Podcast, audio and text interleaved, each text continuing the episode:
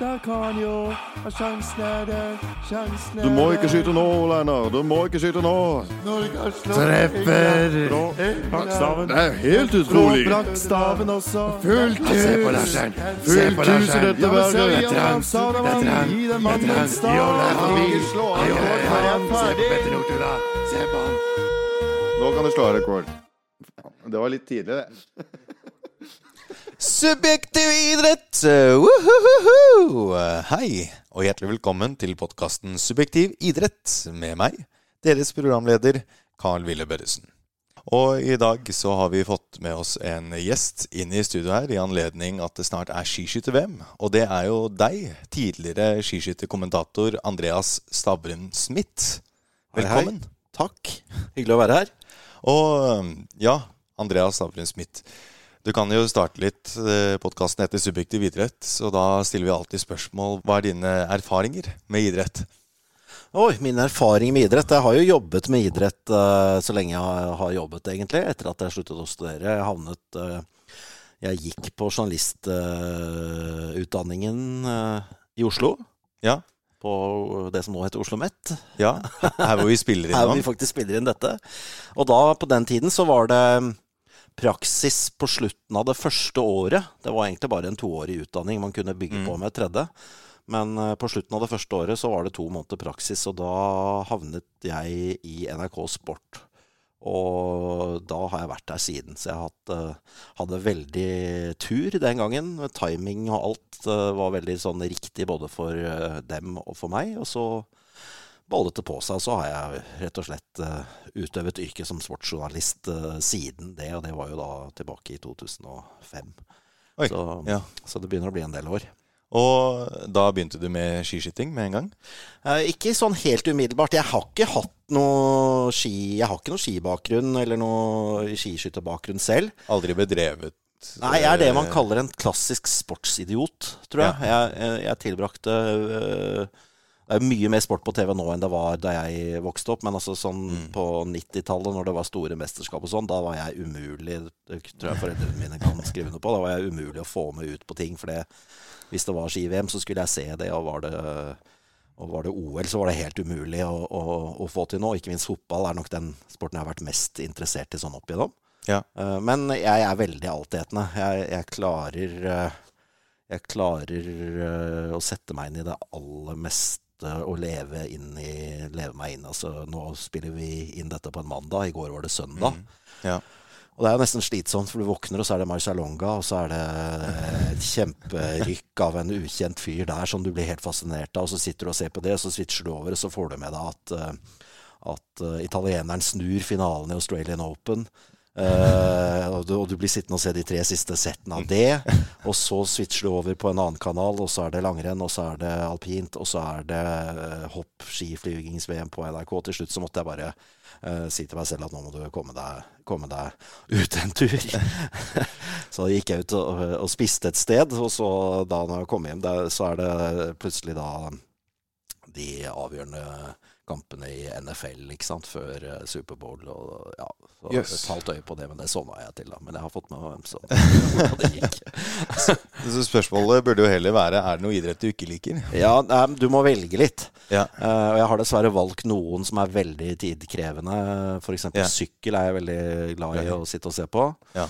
Uh, tennisen, der må jeg bare velge de, de største tingene. Uh, Ja. og, og bare deler av kamper, for det blir for mye. Mm. Og men jeg er veldig interessert i det. Og så det, har jeg nok tatt et ganske aktivt valg om å velge bort uh, motorsport og Formel 1 og sånn. At Mm. den bølgen har jeg ikke kastet meg på. Mm. Og hvordan begynte du å jobbe med skiskyting? Det var, eh, det var litt tilfeldig, altså. Jeg var, eh, var i NRK, og i starten eh, på den tiden så var det jo Vi jobbet jo med TV, egentlig. Mm. Utelukkende. Lagde reportasjer og mye reising fra helt fra starten, egentlig. Mm. Men da var det ofte sånn forskjellige idretter hele tiden.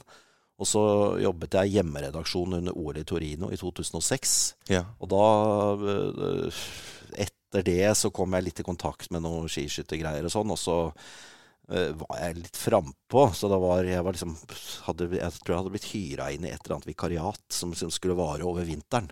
Mm. Og så var jeg, følte jeg at jeg var den eneste reporteren som ikke hadde fått noen idrett som jeg liksom skulle følge, og da gikk jeg til sjefen og sa at det vil jeg ha. Ja. Og da sa han du, jeg har en lederplass eh, på radio under VM i skiskyting. Mm. Så da kan du dekke skiskytingen den sesongen. Og det var så tilfeldig var det. Ja. Og så var jeg det i to år. Og ble jo veldig kjapt veldig interessert i det. Mm. Eh, og så døde jo da dessverre Kjell Kristian Rike, eh, min forgjenger i kommentatorboksen. Og da, da ble det sånn at jeg eh, endte som kommentator på skiskyting. For um, Ja, du sier jo det, for du um, har jo ikke bare hoppet etter Wirkola, men du har hoppet etter eh, Holdt på å si Toralf Engan også. Fordi du tok jo over etter Kjell Kristian Rike først. Ja. Og så måtte du jo ta over etter Jon Hervik Karlsen på en måte også. Ja, det ble litt sånn. Og hvordan eh, var det? Det må jo være litt spesielt da, når det er kanskje Norges mest legendariske kommentatorduo. Ja, og det var jo veldig spesielt for meg, for eh, som jeg sa, på 90-tallet så satt jeg og hørte på disse, og eh, de er jo på en måte soundtracket til min oppvekst. Ja. Eh, De kommentatorene som holdt på den gangen.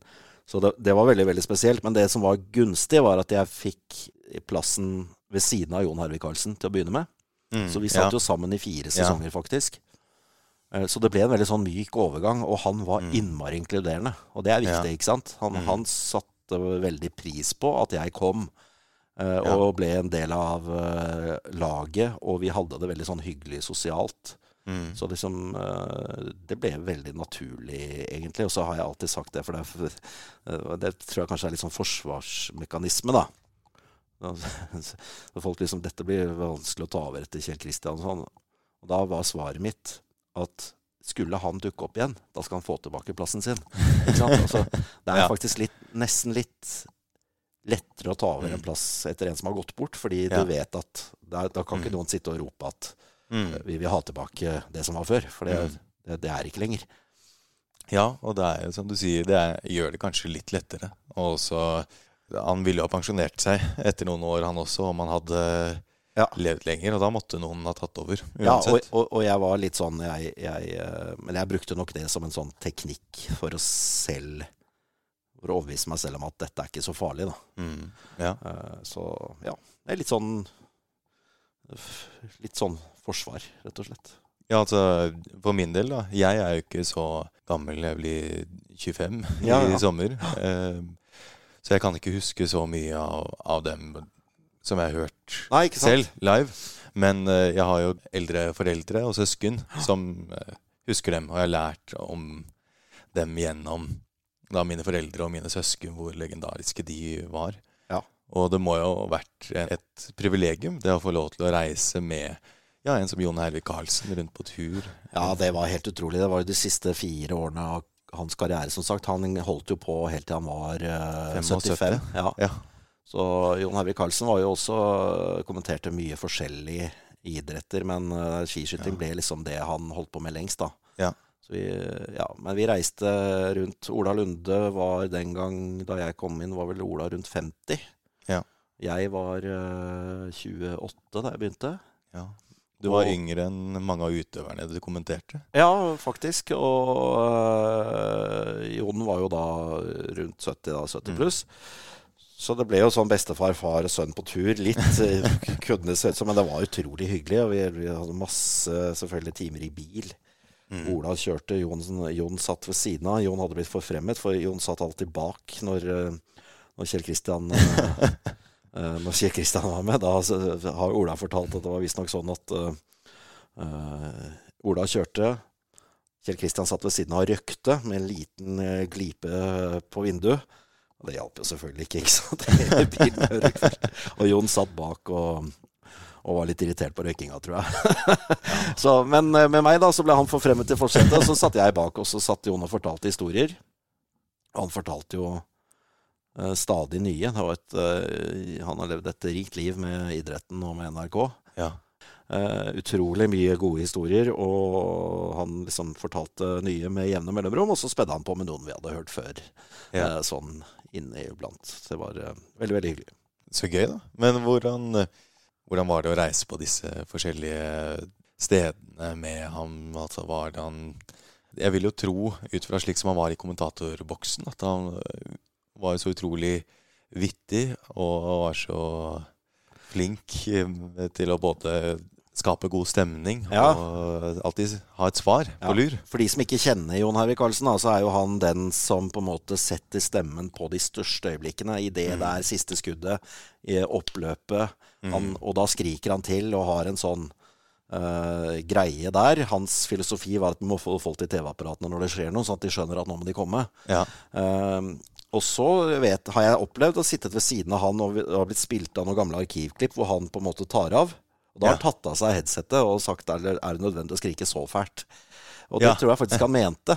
Eh, han syntes det var litt pinlig å høre seg selv, men han visste jo selvfølgelig at det bar jo der og da, når det skjedde.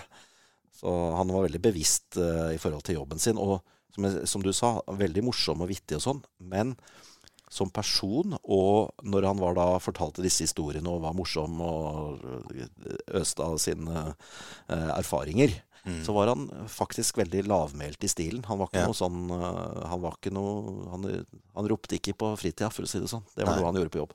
Ja. Jeg får jo aldri møtt ham, dessverre. Men uh, ut fra det jeg har hørt og forstått, så virket han jo som en person, uh, som, en person som hadde utrolig mye godt ved seg. Ja, og så var han gammel lærer, veldig ordensmenneske, ikke sant. Mm. Møtte, møtte broren til uh, Grete Waitz her uh, om dagen, og Arild, i- som var nesten like gammel som Grete. Ja. Litt eldre. Uh, han, han, han hadde Jon Hervik Karlsen faktisk som lærer på Kampen. Oi, så Jon var lærer fram til slutten av 60-tallet og gikk over til NRK. Og på den tiden var jo NRK det var jo drømmen, ikke sant. Og det var jo bare én TV-kanal i hele Norge, og de ble jo kjempestjerner. Ja. Så eh, var sikkert, eh, det var sikkert litt av et liv. Ja. Ja. For jeg Altså, eh, hvis du er sportsidiot, så tror jeg ikke jeg er mye dårligere. For uh, av min far, han syntes at det var veldig hyggelig alltid å se på skirenn, og han hadde ikke noe imot å se det samme skirennet igjen. Nei.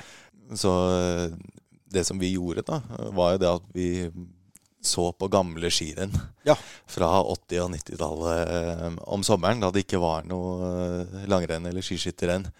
Og um, da har jeg hørt på han Jon Hervik Karlsen, og han er jo ganske mye roligere på 80-tallet, og så blir han Jeg vet ikke om det var eh, rett og slett en samfunnsmessig utvikling, men han blir i hvert fall mye Han var mye vittigere, mye eh, fargesprakene Ja. eh, utover på 90-tallet Han følte seg nok 2000-tallet. fram. Ja. Og så fikk han sikkert veldig, vil jeg tippe, dette har han ikke fortalt noe om, men så følte han seg litt fram, og så har han antagelig fått veldig god respons på, Mm. på den stilen, og så har han utviklet uh, den. Jeg tror du kan se et sånt lite skille på, når jeg tenker meg om, så var det, det var B-VM i ishockey i Norge i 1989. Ja. Eh, Og der hadde jo Jon eh, var jo med å gi ut den der Heia Norge og, og Mm. den der hockeylåta. ja. Eh, Og det tenker jeg var kanskje litt sånn gjennombrudd for den stilen til Jon. da, At han kunne være veldig mye når han var på sending. Ja. Ja.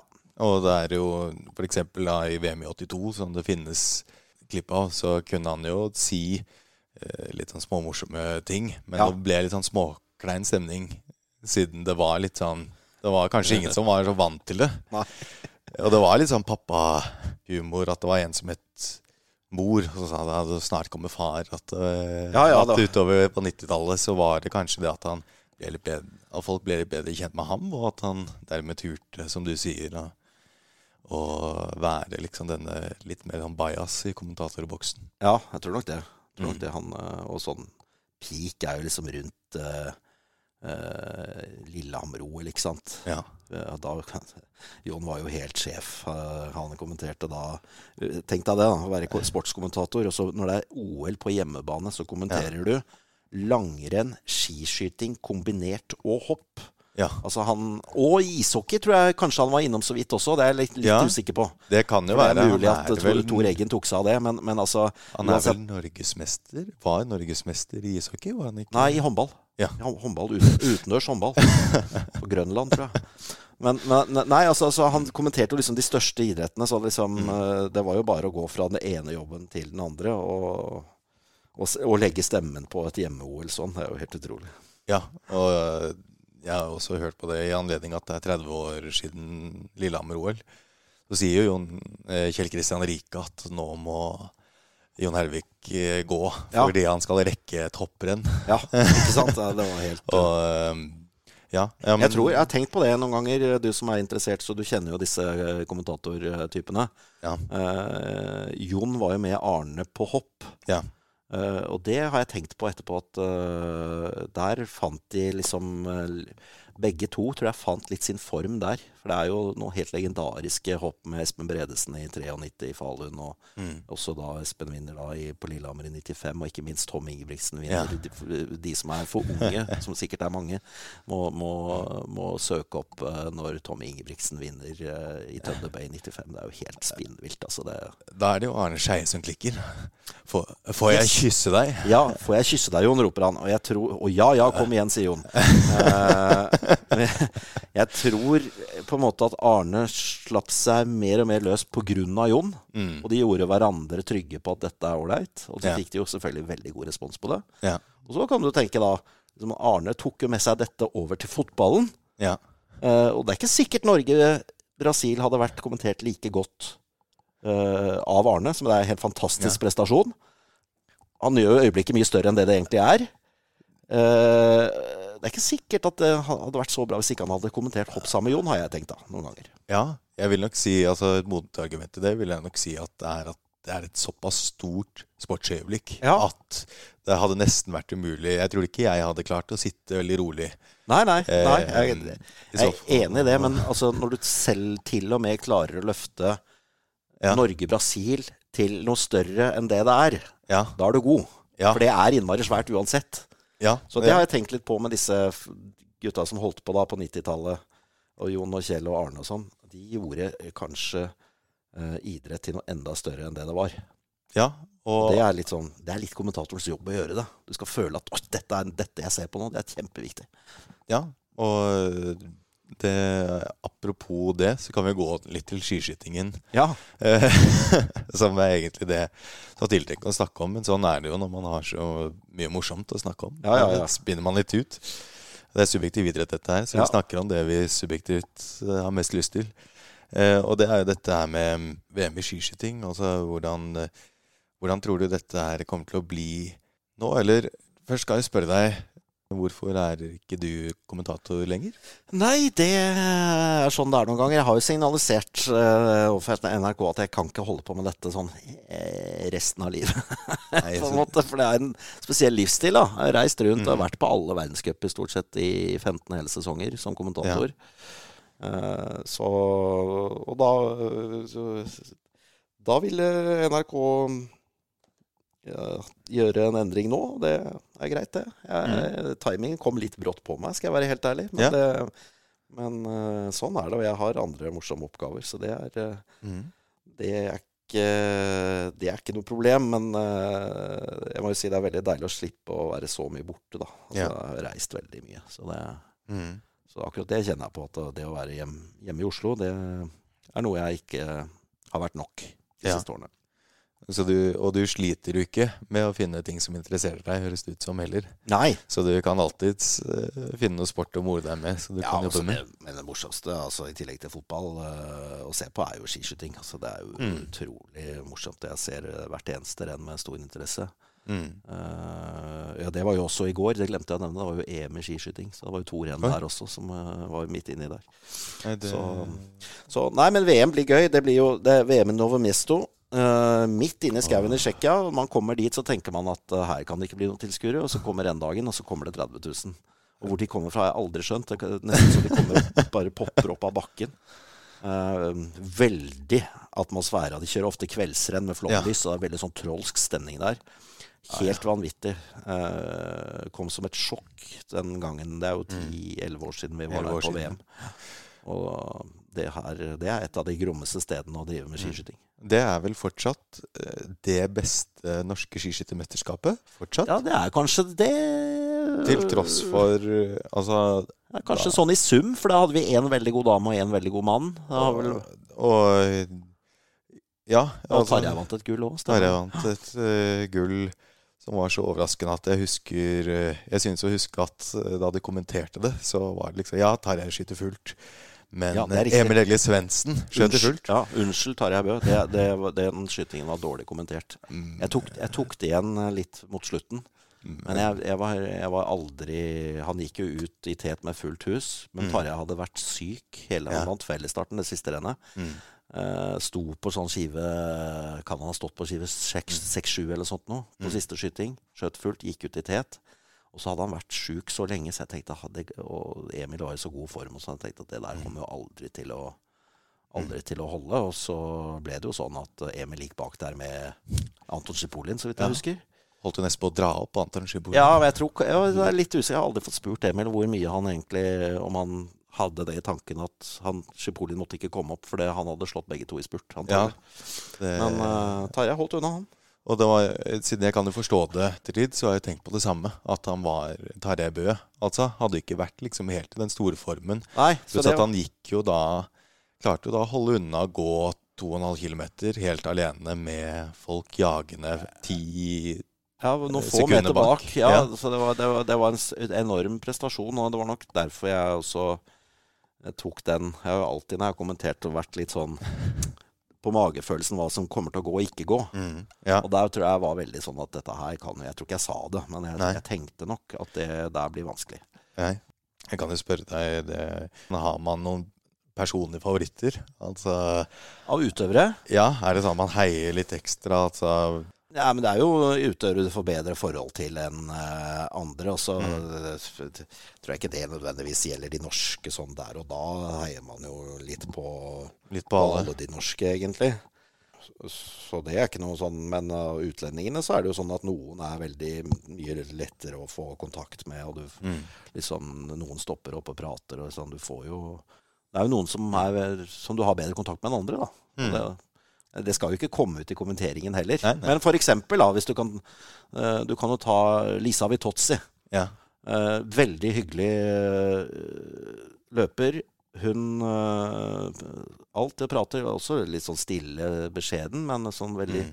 sympatisk. Og så var hun gjennom en sånn periode hvor hun skjøt altså dårligere enn du og jeg ville gjort på liggende om vi bare la oss ned nå med et våpen. Altså Hun skjøt så dårlig liggende skyting. I, Mm. Hun mistet verdenscupen sammenlagt. Det Ja. Plutselig ramla, ramla det helt sammen for henne på slutten av en sesong. Rett før VM i Østersund, husker jeg. Ja, under VM i Østersund egentlig skjedde det. Og så går det da to-tre år med de problemene. Hun Mm. bare liksom, hun roter bort egentlig nesten hele karrieren sin. Og så plutselig da eh, løsner det. Mm. Og da må jeg si det, det syns jeg er veldig gøy. Samme med Franziska Preuss fra Tyskland. Ja. Hun har også hatt masse skader og greier, og så plutselig Mm. slår hun til og er tilbake i toppen. Og da blir det sånn man tenker dette var, dette var hyggelig. Mm. Det må være lov, tenker jeg. Ja, og det er jo Altså, jeg merket det Da jeg var barn, så forsto jeg liksom alltid det, men nå som voksen så forstår jeg jo det betydningen av å ha mange land i toppen. Ja, ja, ja. Og du Og- ser hvor mye de kjemper ja. og jobber for dette her. Og alle har jo dette som sitt store mål, ikke sant. Og da Mm. du får litt medlidenhet uh, med dem, og ønsker dem at det går bra. Og det syns jeg egentlig er Det har jeg vært veldig Det er jeg egentlig ganske bevisst på når vi har kommentert skiskyting, Ola Lunde og jeg. Så har det vært litt sånn at uh, det er ikke så farlig om Norge ikke er med.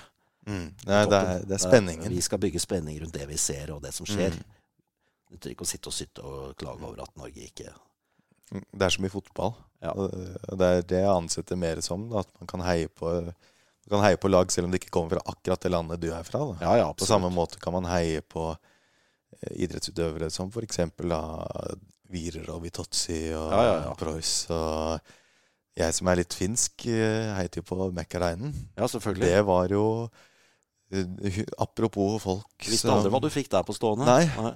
Hun kunne være så god den ene dagen, og så kunne hun bomme på en låvedør med pumphagle dagen Ja, etter. Ja, kanskje var uh, veldig nervøs i mesterskapet alltid, hun. Mm. Så det, nei, og det, når vi da snakker inn mot VM i Novemesto, og vi snakker om bredde, så er man jo litt spent på da hva som kommer til å skje med den norske dominansen når vi kommer Mm. til et uh, VM, for den har vært uh, den har vært helt enorm i år. På herresiden må vi vel kunne si at dominansen er for stor. Det er ikke bra i lengden.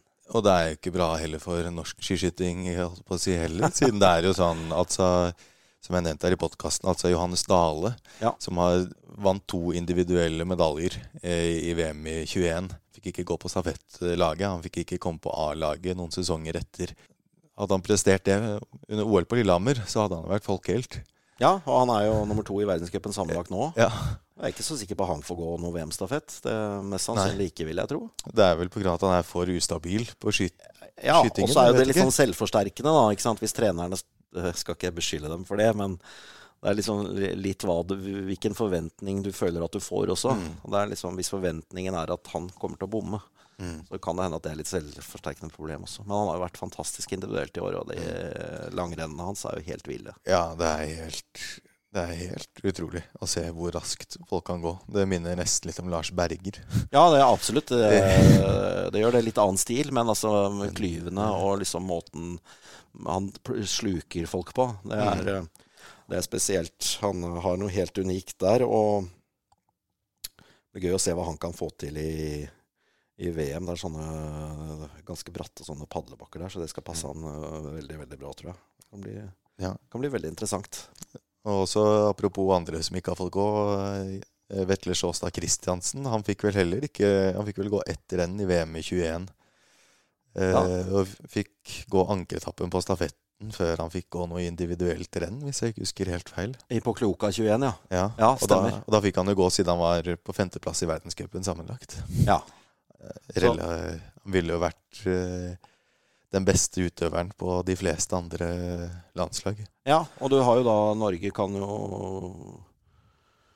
Vi kan nok regne med at 10 av de 15 beste skiskytterne i verden er norske. Ja. Og kvota i VM er jo Ja, vi klarer vel Vi har vel faktisk det seks på sprint jaktstart fordi det er så Fordi det er inn, uh, regjerende verdensmester. og 15 være- beste, og det er litt sånne regler. Men da, Ja. når dette da kommer til OL da, i 2026, Mm. så har Norge altså fire plasser på hver Mm. distanse. Så der gjelder det der er ens ikke regjerende mester. Nei, det Nei. gjør ikke det. Det var derfor Bjørndalen ikke fikk gå måtte i sjekke det her om dagen. 2018, var det ikke det? Jo, det er vel eh, Ja, selvfølgelig. Da vurderte vel IBU å gi ham eh, nøytral utøverstempel. For å Det var nok mange som hadde lyst til å få til noen ordninger der, ja. Ja. Nei, så det er, det er knallhardt, og det å være norsk skiskytter, det er gøy. Og det, det må være ganske fortvilende innimellom òg, for det er Mm. vet, fire plasser til, mm, til OL, og Johannes Tines Bø er på laget ditt, liksom. Det, ja. Ja. Jeg husker jo i, i fjor, jeg så på VM da, og den 20 km, det tror jeg er det drøyeste jeg har sett noen gang. Hvor Janne Stingnesbø med start nummer 11 Enig. går inn først. Og vinner da med tre tilleggsminutter, er det ikke det? Jo, han, Han går, går- gikk helt utrolig langrenn. Han gikk vel inn Fiomaye, eh, som da var eh, regjerende olympisk mester på distansen, Ja. eh, med to minutter, eller hva det var. Ja, ja, ja det var, Og da var det jo ingen strafferunder heller, så da hadde han jo gått 20 km da seks minutter raskere enn Ja, var- første mann som ja, det var helt vilt. Ja, fantastisk løp. Han var i utrolig form i fjor. Så Ja. Det er faktisk gjort uh, litt mer spennende at han ikke er i så god fysisk form i år, da. Det er helt fantastisk at han ikke er like god faktisk. fysisk form. For oss å se på, så, Så det er veldig, veldig snilt av ham, det. Ja. Eh, og, um, men da vant du ikke stafetten. Nei, stafett er stafett, og skiskyting er skiskyting. Det er akkurat det det er. Så man skal ikke ta noen ting for, for gitt. Og det Man skal heller ikke ta gode resultater for gitt, heller eh, nødvendigvis. Nei. Og det er jo litt sånn øh, for Norges del nå, inn i et VM etter en sånn sesong som de har hatt nå. Det Mm. kan bli litt sånn forsvarsposisjon også. Mm. Eh, Så har du noen svensker som har underprestert litt, som pleier å toppe formen bra til mesterskap og sånn. Så det er Mm. mye som kan skje. Ja. Spennende også med franskmennene. Det var jo litt sånn urovekkende det at vi og meg blant annet da klarte å Ja, tape Altså bli Ja, det var uro, urovekkende, men det var gøy å se han der framme, da. Jeg Det var det. tenker at det var et steg i riktig retning for han, sånn tross alt. Mm. Jeg tror han hadde fryktelig mye dårligere ski enn de norske. Og det viser jo det at han i hvert fall for hans egen del at han er god nok til å være der, hvis han bare er litt heldigere neste gang. Ja, ja, absolutt. Så det, vi får, eh, jeg får håpe at han eh, kommer tilbake. Og det, det, det blir mer nerve når det er to norske mot to utlendinger, enn at fire norske går og skal Mm. gjøre opp. Selv om det var, har vært noen spektakulære sisterunder med bare norske i år, Mm. så er det enda morsommere hvis det Mm. er en at det kan, at det står enda mer på spill for oss. Ja. Ja. Det er nå Martin Fourcade skulle ha gått. Ja. Det han, eh, apropos, oh, han var blitt fortvila. det var Men det var Jeg ble alltid litt stressa da du kommenterte, siden jeg følte at du Altså, man skal være positiv, men jeg i hvert fall fryktet alltid han godeste franskmannen, og som regel så fikk han det til hver Ja. eneste gang, uansett hvor positive dere prøvde å, prøvde å være. Ja, han var fryktelig, fryktelig, fryktelig god. Nei, og eh, som var. Han var han- god i løypa. og motorskytt og ja. Han løftet sporten til et nytt nivå, kan du si. Og det, det sier jo litt. Han holdt jo nesten på å ta igjen Bjørndalen i antall verdenscupseiere ja, ja, ja. som 30-åring. Nå slo ikke Bjørndalen ordentlig gjennom før han var 28. eh, Sånn virkelig med tanke på mesterskapsgull og sånt. Da. Så traff han jo kanskje sitt uh, I Salt Lake City i 2002, ja. Ja, og, og videre frem Ja. da til 2009, kanskje. Så han Ja. hadde en litt, litt senere og holdt ut uh, lenger. Ja. Men, um, men ja. Jeg var jo der i VM i 2016. Ja. Så både stafetten og fellesstarten for menn. Ja, riktig. Jeg husker fellesstarten der, siste runden, Ja. hvor Bjørndalen går litt bak Martin Fourcade og Johannes Tingnes Bø. Til tross for at Johannes Tingnes Bø eh, leder, så ropte alle bare 'Ole', 'Ole'. Ja, ja, ja. Ole. Man tenkte ikke over at det var, at det var noen andre i Nei, der. det var uh, utrolig hva han fikk til der. Og han var jo da 42. Ja, og skulle, skulle egentlig ha lagt opp to år før, ifølge ham selv. Ja, ja. Nei, han fikk opp en fantastisk form. Det var jo eh, veldig sånn VM-feber i Oslo da. Og, Mm. og han eh, Han eh, overbeviste veldig.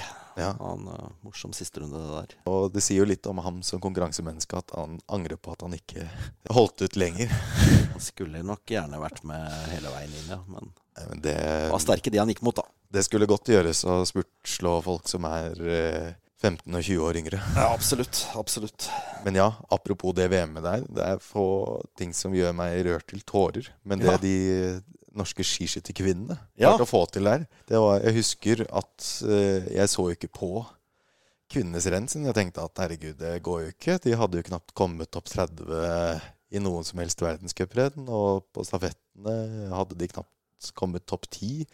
Så det var eh, Jeg husker at jeg ikke uh, kunne tro mine egne ører da jeg hørte at Stille Lekhoff hadde vunnet gull på sprint. Og så Ja, det var stort. gikk det plutselig dårlig Eller kom vi plutselig litt ned på jorden igjen de to neste rennene. Og så kom stafetten med fire utøvere som egentlig ikke Ja, det var Tiril Eckhoff, da, men ellers så Altså Startrekkefølgen på stafett er jo sånn at lederen i verdenscupen har start nummer én. Og Norge hadde Ja. vel der, så vidt jeg husker, start nummer tolv. Ja.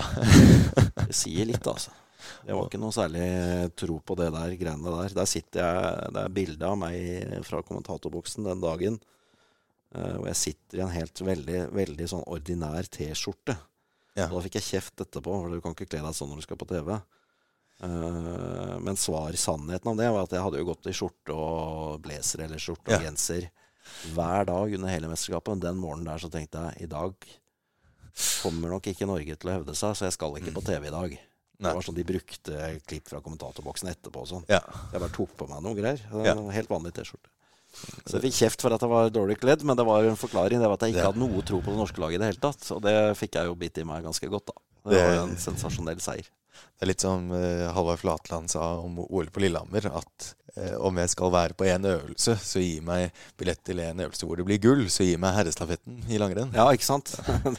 Da var det det motsatte som skjedde. Da var det det motsatte som skjedde. Så det Men, eh, ja, men det var jo et utrolig renn. Og da hadde jeg jeg hadde hørt om Marte Olsbu, ja. men jeg hadde ikke stort mer enn det. Nei, hun hadde jo vist litt grann en gryende form i forkant sånn fysisk, så hun øh, Men det var gjennombruddet hennes. øh.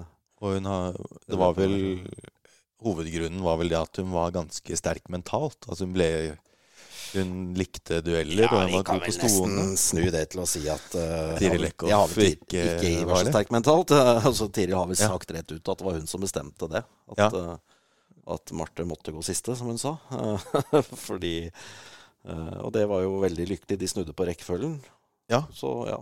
Så det var jo da et gjennombrudd for uh, Marte Olsbu, som hun het den gang. Ja. Som da senere ble Marte Olsbø Røiseland. Og som eh, ja, Ola Lunde Jeg har hørt han si at eh, hun er tidenes eh, kvinnelige norske skiskytter. Ja, faktisk. Og hun har ikke flest seire, men hun har jo så viktige seire. ikke sant? Så Hun har Mm. vært VM-dronning i Anterselva, hun har vært OL-dronning i Beijing og sånt. Så fle flest VM Uh, flest VM-medaljer har hun. Ja. Så hun er mesterskapsløperen, da. og, Men hun har jo også, til de andre jentenes forsvar, så har hun jo gått uh, uh, Gått i en tid der hvor det var flere renn. Det har hun også gjort, ja. Men, Og det er veldig sånn uh, Hennes Marte sin karriere er veldig imponerende, for uh, hun, hun kom jo ganske sånn trått i gang. Ja. Uh, og før så har man nok hatt en tendens til å tenke at kvinnelige idrettsutøvere Det er sikkert fordi at kvinner er litt tidligere utviklet enn menn. Mm. Så man tenker liksom at du skal slå igjen når du er 18-20 år. Mm. Uh, Ja. Og er du ikke det, så kan du begynne Mm. å studere, liksom. Ja. Mens Marte er jo da eksempelet på at uh, det går an å ha den der jevne stigningen, og det er jo den vi Mm. ser med Juni Arnekleiv nå også. ja. Eh, Hvor gammel er hun? Nei, hun har jo blitt 25, tror jeg. Ja. 24-25.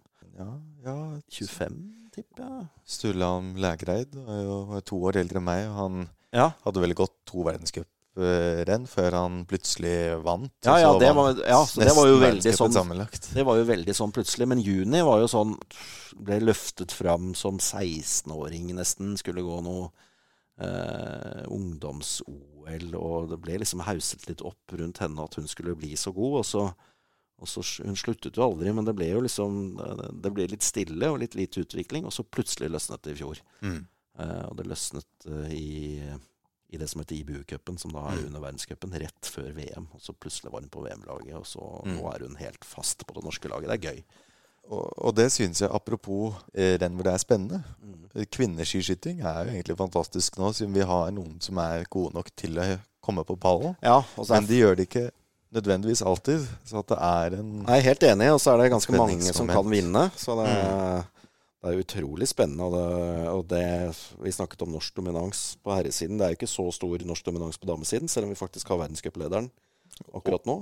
Og verdenscupledelsen i stafettcupen. Ja, det har de vel sikkert Ja, de har gjort en kjempesesong, Mm. så det er ikke det. Men, men eh, det er Men mer, ja, de det er mer åpent min... hver gang. Mm. Og jeg vil jo også si at jeg er imponert over Ingrid Landmark Tandrevold, som hadde jo én verdenscupseier før denne sesongen, og nå har hun to og leder verdenscupen sammenlagt. Så det, Ja, det, det er kjempeimponerende. Hun har, eh, hun har fått et løft, og hun har blitt mer stabil i toppen. Mm. Og nå er vi jo der at hun kan vinne verdenscupen sammenlagt. Nå teller jo ikke VM i, i sammendraget. Nei. De tre siste rundene er etter VM. Det blir veldig tøft, for det, det er i høyden to, Ja. av, to av de ukene. Mm. Eh, Det taler nok kanskje ikke til hennes fordel, men vi får gi henne en sjanse. Hun har overrasket oss før i år, så da Ja. får vi håpe at det, at det kan bli bra. Mm. Apropos dette her med norsk dominans, så vi kan jo snakke litt Altså, her er det lite rød tråd, men vi Ja, ja. bare snakker om det som eh, er morsomst å snakke om, tenker jeg. Og Ja. jeg så jo også da Apropos en tid hvor det ikke gikk så lett for norsk skiskyting. OL på Lillehammer. Ja, Det husker vel du som TV-titter? Det husker jeg veldig godt. Det var mye folk på skiskyting på Lillehammer. Mm. For, det, på, for å få billett til OL på Lillehammer, så måtte man sende inn mange måneder i forveien eh, sånn eh, kryssa hva man ville ha billett til. Ja. Og så var det loddtrekning blant de som hadde valgt. Så det folk gjorde, var at de krysset av på alt. Ja. Sendte inn, og da fikk du noe bra og noe Ja. dårlig. Og så gikk man på, på det man fikk til. Så det var helt smekkfullt på skiskyting òg. ja. Selv om det ikke var noe stor norsk idrett uh, akkurat den sesongen. Det har, det har vært litt tradisjoner for skiskyting i, i Norge. Det, jeg har vært på verdenscup i Mm. Holmenkollen sånn på slutten av 90-tallet. Det masse folk slutten av 80-tallet. Ja. Eh, og masse folk. Og Eirik Valfoss var stor, Ja. han altså. ja, ja. Men, men uh, akkurat under Lillehammer-OL så var det dårlig. Mm. Jeg har tenkt på det at Norge har jo alltid hatt eh, De har aldri hatt sånn ordentlig dødperiode, vil jeg si, i skiskyting. Altså, hvert eneste tiår har de jo hatt en individuell mester. Ja, ja, ja. Og rundt Lillehammer så hadde de en som het Jon Åge Tyldum, som vant Mm. verdenscupen sammenlagt og var kjempegod. Uh, Lillehammer og skiskytingen for Norges del er jo vil jo for ettertiden bli stående som én ting, og det var uh, Debuten. debuten til Ole Einar Bjørndalen i Mm. OL.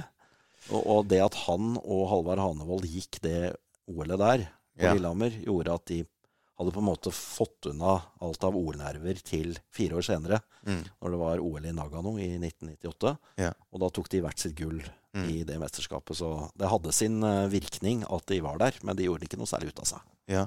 Nei, men eh, Og Bjørndalen fikk jo gå fremfor Eirik Valfoss. Ja, det var jo, ja, NRK hadde jo avstemning hva folk ja. skulle mene om dette. Og jeg tror det var noe sånt som 90% som mente at, eh, at eh, OL-komiteen hadde gjort feil ved Ja. å ikke ta ut Eirik Valfoss. Så, så populær var han. Og Jeg kan jo forstå det at her har det vært en legende såpass lenge. Litt sånn som Bjørndalen var da i 2018. Det var litt Ja. morsomt at han skulle oppleve samme skjebne. Ja. Starte og avslutte karrieren med Ja, faktisk. det samme. Ja. Nei, Men det var, eh, han eh, ja, Kjell Kristian Rike sa vel på åpen TV at han var ja, rett og slett uenig. han var, la ikke skjul på at han syntes det var hull i huet, men han ble veldig god venn med Bjørn Hallen da. Ja. Denne, øh, denne gutten, som Ja. de kalte ham. Ja. Og det som var spesielt med Bjørndalen, var det at han gikk jo Han skøytet jo slik som han skøyter nå. På en tid eh, der hvor eh, Altså, jeg har sett noen klipp fra OL på Lillehammer, og man skøytet ikke sånn som man skøyter nå. I hvert Nei. fall ikke skiskyttere. Nei, det var, jo, det var jo en sånn brytningstid, for man hadde jo ikke skøytet eh, på langrenn eh, noe særlig. Nei. egentlig. Sånn sett i ettertid så var det veldig kort tid. Det var jo, det var jo bare Det var under ti år Mm. med skøyting. Ja.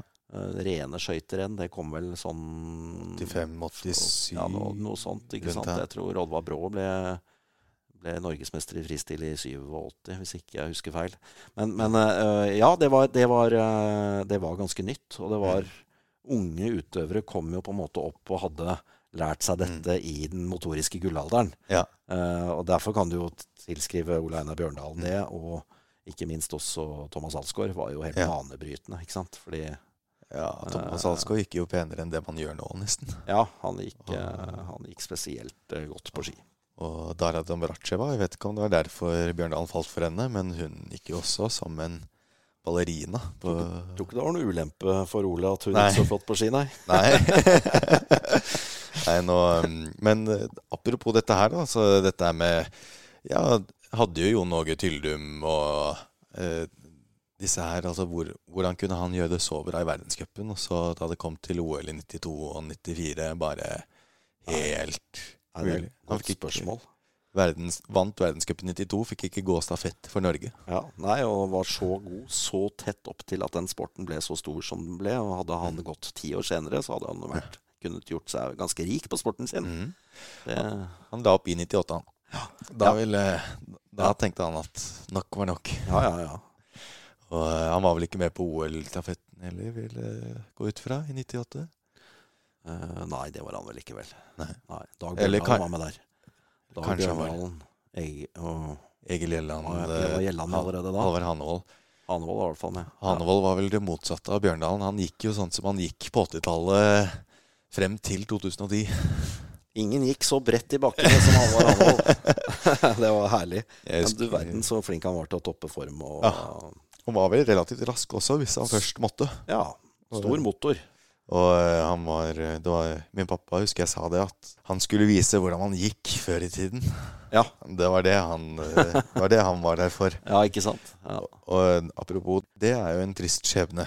Altså Halvard Nei, Hanevold. det var veldig trist å miste Halvard så tidlig. Han var jo min medkommentator flere år etter Og- at han la opp. Så Og i helgen veldig- før han gikk bort også. helgen før var vi sammen, og så plutselig var han borte en, en tirsdag. Det var, det var spesielt. Det var, øh, det var veldig, veldig trist, og Mm. trist for familien. Og, Ja. men øh, vi har, øh, vi har de gode minnene og Mm. mange gode historier med, med Halvard. Han var en helt unik fyr. Han var Mm. jo et eh, oppgam av en fyr. Altså. Det var så detaljfokusert og så nysgjerrig og så Mm. kunnskapsrikt. Så veldig annerledes idrettsutøver, egentlig. Ja. Sånn annen tilnærming til sporten enn noen andre jeg har sett. Mm. Veldig flink til å utnytte det han hadde Ja, og, eh, kunnskaper.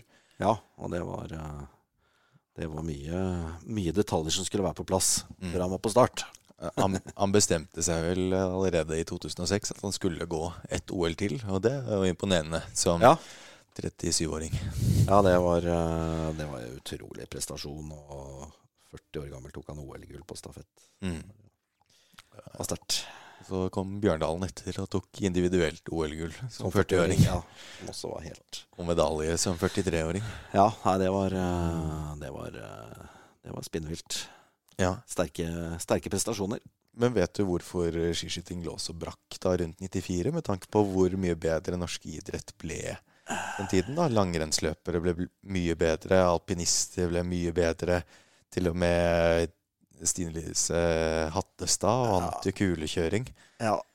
Nei, jeg skal være forsiktig med å si for mye om det, men det er klart eh, Øst-Europa var jo dominerende i skiskyttersporten. eh, eh, det var jo ikke bare de som slet. Eh, Norge slet også på da- damesiden i langrenn Mm. ganske godt på Ja. 90-tallet. Så det var nok eh, noen sporter hvor det en periode ikke var så lett å nå opp, da. Nei. Og apropos det eh, eh, som vi sa litt før innspilling her, at det blir nesten litt feil å ikke snakke om det som har kommet opp i vinden nå, nemlig Anders Besseberg-saken. Ja. Jeg har dessverre ikke sett alt, men eh, ut fra det jeg har fått med meg, så er det jo en, da en korrupsjonssak om at han som skiskytterpresident da har latt russiske utøvere da særlig Ja, slippe unna det er jo det som er beskyldningen. Men Han er ikke tiltalt for selve den eh, Altså, det han er tiltalt for, er vel da at han har eh, fått fordeler, kanskje særlig fra Russland, og også fra et sånt uh, rettighetsselskap som driver og selger markeds- eh, og TV Kjøper og selger markeds- og Mm. TV-rettigheter. Så, eh, så er jo, etter det jeg har forstått, korrupsjonsloven i Norge sånn at du trenger ikke å bevise på en måte hva som er gjenytelsen, eller hva som er gjort i den andre enden. Det er bare at du Mm. har tatt imot noe ja, uh, som kan være det som kalles en utilbørlig fordel. ja. Uh, så han er tiltalt for eh, å ha tatt imot en, en bil som han har benyttet, og så er det noen klokker, dyre klokker, som han har, skal ha fått Mm. av russerne. Og, så er det også invitasjoner til jaktturer Jaktturer er en sentral uh, greie. Og så er det jo faktisk også da en tiltalepunkt som går på uh, at de har kjøpt prostituerte til presidenten. Uh, jeg har sittet og hørt litt på den uh, Mm. rettssaken. Vi som jobber i pressen har sånn lenke vi kan høre Mm. på. Det siste der tror jeg ikke han kommer til å nødvendigvis eh,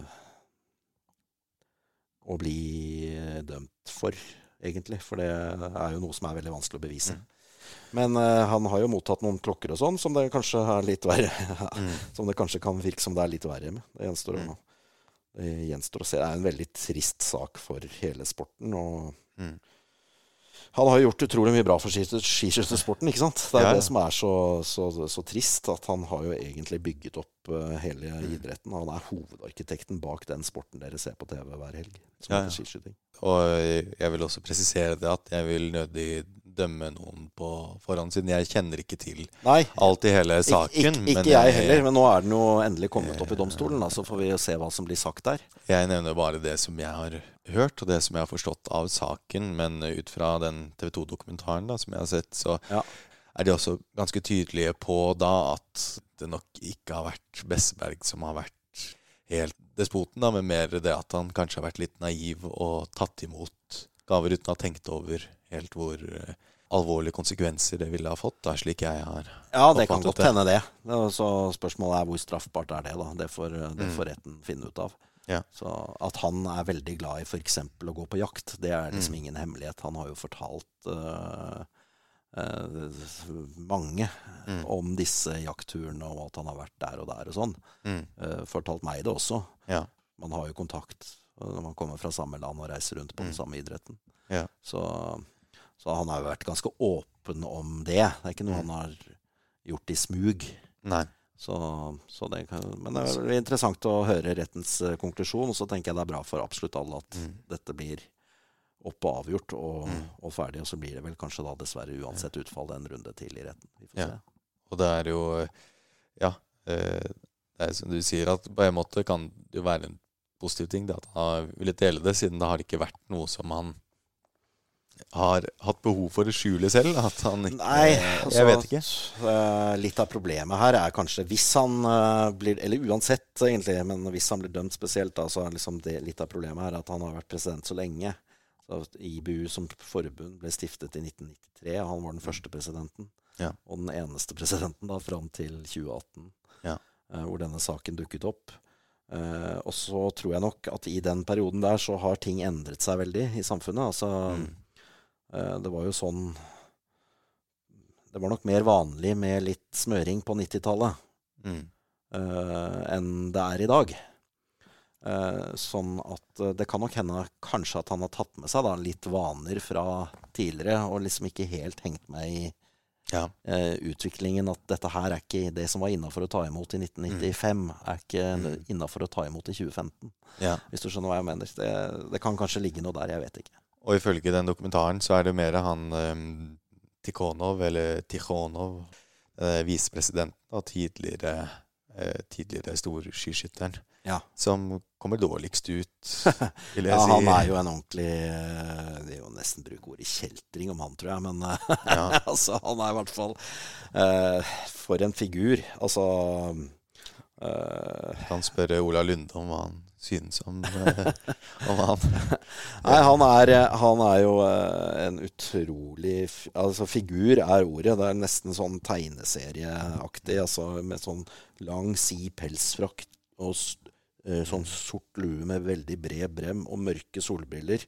Mm. Så har han gått rundt som en sånn skummel karakter som du nesten tenker at det er fra Flåklypa. ikke sant? Mm. Det er sånn, sånn parodi på, eh, på Parodi på, på litt eh, dodgy eh, type fra, fra Russland.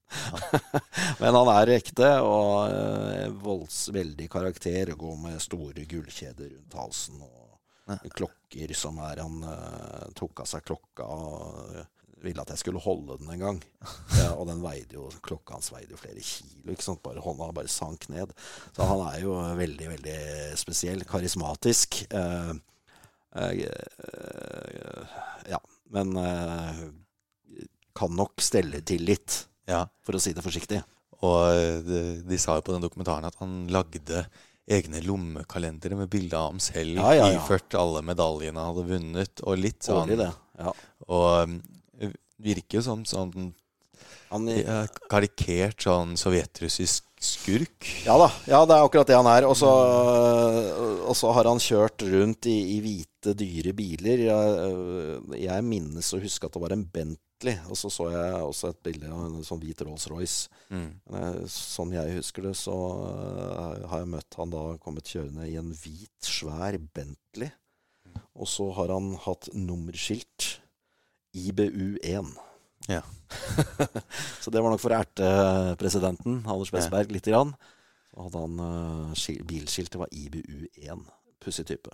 Veldig Men uh, ja, altså Du kaller ham for uh, kjeltring, nærmest. Altså hvordan kan en sånn eh, person ja, fått Framstår i hvert fall eh, Ja. litt sånn, da. Ja, for, men hvordan kan egentlig en fyr som oppfører seg da såpass eh, merkelig, få en slik eh, stilling? Nei, Det er godt uh, spørsmål. Han er jo en uh, merittert skiskytter, da. Ja. Gjør veldig mye ut av det. Ja, Har jo vunnet OL-gull i fire OL på rad, men det er jo stafett, da. Ja. Så, det er jo med, alt. så det er jo med lagkamerater. Men uh, nei, det er ikke godt å si. Han har eh, fått så mye makt. eh. Han har vel drevet et spill. ja, og det var jo også kritikk i det som russerne hadde med hvorfor de skulle bli testet så veldig ofte. Men det er jo dessverre sånn at de har blitt tatt litt ekstra ofte. Det er jo dessverre sånn med enkelte land, særlig i Øst-Europa. Som sagt, jeg har familie i Finland selv, og har vent meg til å aldri helt kunne nyte gull tatt i kondisjonsidretter. Nei, Finland har jo fått mange sånne tilbakeslag på det der opp igjennom. Ja. Dessverre. Så nei. Det, det er jo litt av sakens kjerne òg i denne rettssaken. Altså hvor mye har de blitt testet og sånne ting. Så nei. Eh, vanskelig å Vanskelig å snakke om. Nei, nei. Ja. Ja, ja. nei um, vi trenger jo ikke gjøre det heller. Vi kan snakke om noe eh, langt hyggeligere, som hvordan du tenker at VM i skiskyting kommer til å bli. Jeg holdt på å si hvordan tror du de norske kommer til å gjøre det, men Det er mer spennende å si hvordan de utenlandske Hvor mange medaljer tror du de kommer til å ta? Oi, ja det er vanskelig å si. Vi må jo nesten forvente at Norge tar eh, Det er jo vanskelig å se for seg noe annet enn at Norge tar veldig mange medaljer individuelt på herresiden. Mm. Skulle til å si ti. ja. Og hvor mange medaljer deles ut? Tolv, vel? Individuelt.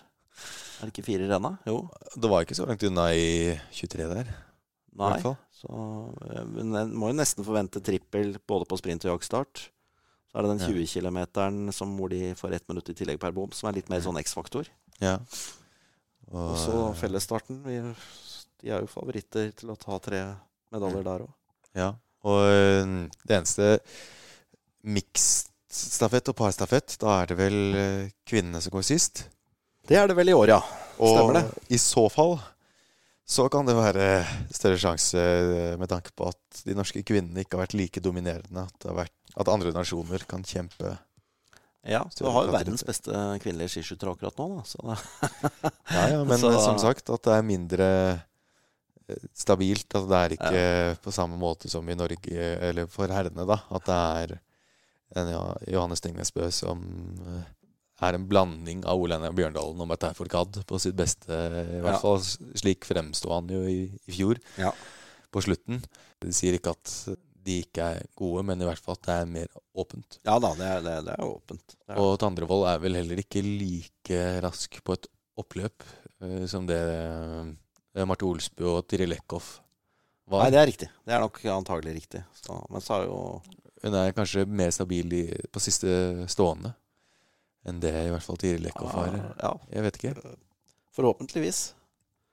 Spennende å se. De har jo De har jo um, Caroline Knotten da, jo veldig Virker jo veldig stabil i år. Så Ja. de har jo fått liksom litt mer å spille på der. Ja, samtidig så har jeg merket til det at de og hvis hun går godt, så bommer hun som regel alltid nok til at det ikke blir helt det store. Og hvis hun skyter godt, så går hun som regel alltid litt tregere til at det blir det store. Men da snakker jeg om verdenscupseire, da, man skal ikke bli for blasert og tenke Nei. at det er kun det som gjelder. Nei. Det er, jeg syns det er veldig gøy, egentlig, med at disse utøverne viser at de er menneskelige også. Absolutt. Det er jo, det er jo litt av skiskytingens natur òg, at det skal svinge litt, og det er litt sånn mental greie som spiller inn. Så jeg er egentlig litt overrasket over at Norge har klart å bli så dominerende uh, Mm. i skiskyting som de faktisk har vært i langrenn. Ja, Uh, det hadde jeg aldri trodd skulle skje. Det bekymrer meg litt, faktisk, Mm. sånn på sportens vegne, fordi jeg glad i den sporten. Eventuelt så får man jo lage et slags sånn ligasystem, da. At eh, de Ja. beste Alle de norske får gå norgescup, og så får de Ja. 20. beste nordmennene gå i verdenscup. Ja. Nei, de får heller uh, se om de klarer å utvikle øvelsesprogrammet litt. Grann. Eh, åpne for litt mer ulike typer utøvere. mm. Det er kanskje litt for likt akkurat nå. Det stemmer i hvert fall det at jeg begynte å bli ordentlig glad i skiskyting nå som eldre, siden jeg syntes at det var litt spennende det at det ikke var helt som langrenn. da. At, man, Ja, at den beste vinner stort sett hele tiden. Det er jo ofte sånn i idrett, men at skiskyting har også dette skyteelementet. ja det var jo litt sånn uh, det, Therese Johaug eh, kunne rykke etter to kilometer, og så visste du at ja, men da var det løpet over. Ja. Eh, sånn kan du ikke si i skiskyting, fordi at eh, det, de skal alltid inn og skyte. Ja. Det kan skje ting. Ja. Det gjør det, det gjør det ekstra interessant, og det gjør jo også at skiskyting har et litt annet publikum faktisk enn Mm. en langrenn har. Og at det også sikkert er såpass mye mer internasjonalt kjent. da. Uh, I hvert fall når man ser på tribunene, Ja, og så er det min, tilskuertallene. Ja, og så er det mindre utsatt for å ha hatt noe sånn veldig seernedgang på noen sporter hvis det landet det gjelder, ikke er gode i det. Mm. Ser litt tendens kanskje på hopp i Norge nå. At det er Mm. litt mindre interesse for å se på nå som Norge ikke er helt i toppen. Mm. Men uh, skiskyting har ikke det elementet i det hele tatt. Vi har sendt eh, renn vi hvor Norge ikke har deltatt. Mm. Og folk vil fortsatt se skiskyting, for de lurer på hvordan dette går. Mm. Jo, det er, eh, det er sikkert det som vi har snakket om, da, at man heier på utøverne mer enn nasjonene. At det er Ja. gøy å se på uansett. Tror nok det. Og så skal du alltid ha med deg den siste skytingen, ikke sant. Så, Mm. ja. Ja. Apropos et siste spørsmål. Eh, Ja. Denne lagkonkurransen. Jeg prøvde å lese meg litt opp på resultatlister fra før, og da Ja. har jeg sett på den lagkonkurransen, og hva, eh, hva var den? Ja, den har jeg heldigvis aldri kommentert. Nei, det var fire løpere som gikk samtidig. Ja. Det Lagtempo. Eh, Ja. Og så var én inne og skjøt. Og da sto de tre andre og ventet. Ja. Man kunne velge hvem det var som skjøt? Jeg er faktisk eh, usikker på om de gjorde det på etter tur, og eh, hvordan de løste det. Er faktisk eh, Dette er så tidlig at jeg Dette ble vel siste gang arrangert i sånn 97, kanskje. Mm. Eh, så det er, jeg, jeg husker ikke helt hvordan det der var. Altså. Nei. Men det ble i hvert fall tatt av ganske kjapt. Ja. Ja. I så fall så kunne man vel ha Ja, Norges del, da. Nå er jo ikke Lægreid like stabil eh, skyttermessig, men Nei. eh, han i 21-form, og så alle de andre i langrennsform. Ja, nei, det, det hadde løst seg da. Ja, det, ikke at det ikke løser seg nå heller. Nei, det er nok å ta av. Men eh, ja, før vi runder av helt, så må jeg nevne kanskje din største prestasjon, nemlig at broren din var min gamle gymlærer. Ja, Det har ikke jeg noe med å gjøre. Men eh, det at du da er- inviterer meg, tyder vel på at han har vært en ok lærer. Litt uh, Litt flåsete sagt. Får se om jeg tar dette med i podkasten, eller om det er for irrelevant for den nøytrale lytter. Men um, Var han ålreit? ja, det var han jo. Ja, ja. Og jeg husker Det var før jeg fulgte med på skiidrett, men da sa de det, mine Ja. foreldre, at Ja. broren til gymlæreren din kommenterer Ja, skirenn. Så jeg pleide å si det til ham. Han er seks år eldre enn meg, så han har nok eh, en veldig stor innflytelse på at jeg ble så sportsinteressert, tror jeg. For han var veldig sportsinteressert. Og han har utøvet det også, vil jeg tro. Ja da, det har han absolutt gjort. Ja. Spilte i Eliteserien innebandy, faktisk. Ja, han ja. skulle til å si det. Det var han som åpnet mine øyne for innebandy. Ja, ja, ikke sant? Ikke at jeg har spilt en noen som helst annen gang enn i, i gymmen. Det er en Men som idrett. Fantastisk morsom idrett. Ja. Særlig å bedrive. Ja, absolutt. Det er såpass få som kan det også, så det blir relativt jevnt uansett hvem du spiller med. Ja, det gjør det. Ja. Ja, det er veldig morsom, eh, morsom idrett. Jeg har spilt det selv, men, eh, men jeg kom ikke så, på så høyt nivå som han. Han spilte i Eliteserien. Ja. Nei, men um, rask spådom om uh, resultatene i skiskytter-VM. Hvis det er 24 øvelser, eller litt færre, da. 20? Eh, Nei, er det, så, det er vel ikke så mange. Det er eh, fire individuelt på hver. Det blir åtte. Og så er Ja. det s- mixed og par. Det er ti. Og så er det to stafetter. Så det er tolv øvelser, da. 12 øvelser. Ja, Ja. ja. Ok. Så det er tre, tre ganger 12. Eh, 36 medaljer. Hvor mange tror du Norge sitter igjen med? Ja eh, Skal vi se Tre ganger seks 36, ja. Minus. Og så må du trekke fra to, fire, seks, åtte stafettmedaljer som Mm. Norge ikke kan ta, da. Ja. Så da kan du ta maks 26 medaljer. Ja. 18? 18? Er det litt mye? Jeg lurer på om jeg skal være pessimist og si, og si 15 eller noe sånt. Hvor mange tok vi i 2013? Det var i hvert fall åtte gull. Eh, Godt spørsmål. Åtte gull, tror jeg det var. I 2013? Ja. Ja, det var åtte gull. På færre øvelser. Én øvelse mindre. ja. Vi vant tre stafetter, og så vant Tora Berger To. Emil Hegde Svendsen to. to og Tarjei Bø ja. ja. Blir det noe rundt åtte gull denne gangen òg? Ja. Skal De ikke tar ikke alt, det tror jeg ikke. Nei, forhåpentligvis ikke. Nei. Det Nei. blir nok eh, noe, noe fransk eh, for kvinnene, i hvert fall. Det, Ja, håpe det for sportens Ja. forhåpentligvis noe tysk også. Ja. De har jo Laget deres har blitt veldig mye jevnere og bedre. Absolutt. Selv om de har mistet sin største stjerne Ja. i, i Denise Hermanvik. Ja. Men ja, da sier vi det. 15 medaljer, 8 gull. Du tror 18 medaljer, 8 gull. ja. Vil du stå for det, eller vil du Nei, 17. 17? 17, Og så tror jeg faktisk Skal vi se, gull 1, 2, 3 Nei, de tar to stafett Tre stafetter, ja. Mm. Av fire mulige, tror jeg de tar. Tror kanskje Mm. ikke de vinner damestafetten. Og så blir det Nei. fire gull i del for herrer. Ja, Får gi Tandrevold én nå, da. I åtte. Åtte gull. Det blir i så fall hennes første Det hadde vært gøy. Blir det hennes første gull? Ja. Hun har kanskje ikke Ja. vært på noe mixed uh.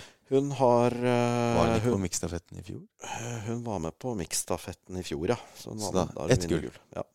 I tillegg til stafettgullet med kvinnen, da. Men Ja. ikke ingen eh, ja, hun har vunnet eh, individuelle flere, flere VM-gull, men nå får hun det første individuelle, tror jeg. Yes. Men da hørte dere det her først. Og om det ikke blir sånn dette her, så hvor skal man sende klagene til, Andreas? Jeg får sende det til NRK, da. Send det til eh, Torgeir Bjørne og Jan Post, som Ja. kommenterer nå. Nei, men um, tusen takk for uh, deg, Andreas. Bare hyggelig. Og tusen takk for meg. Uh. Ja, da, ja. Eh, Tusen takk for at dere har lyttet på. Da sier vi det. Vi lyttes.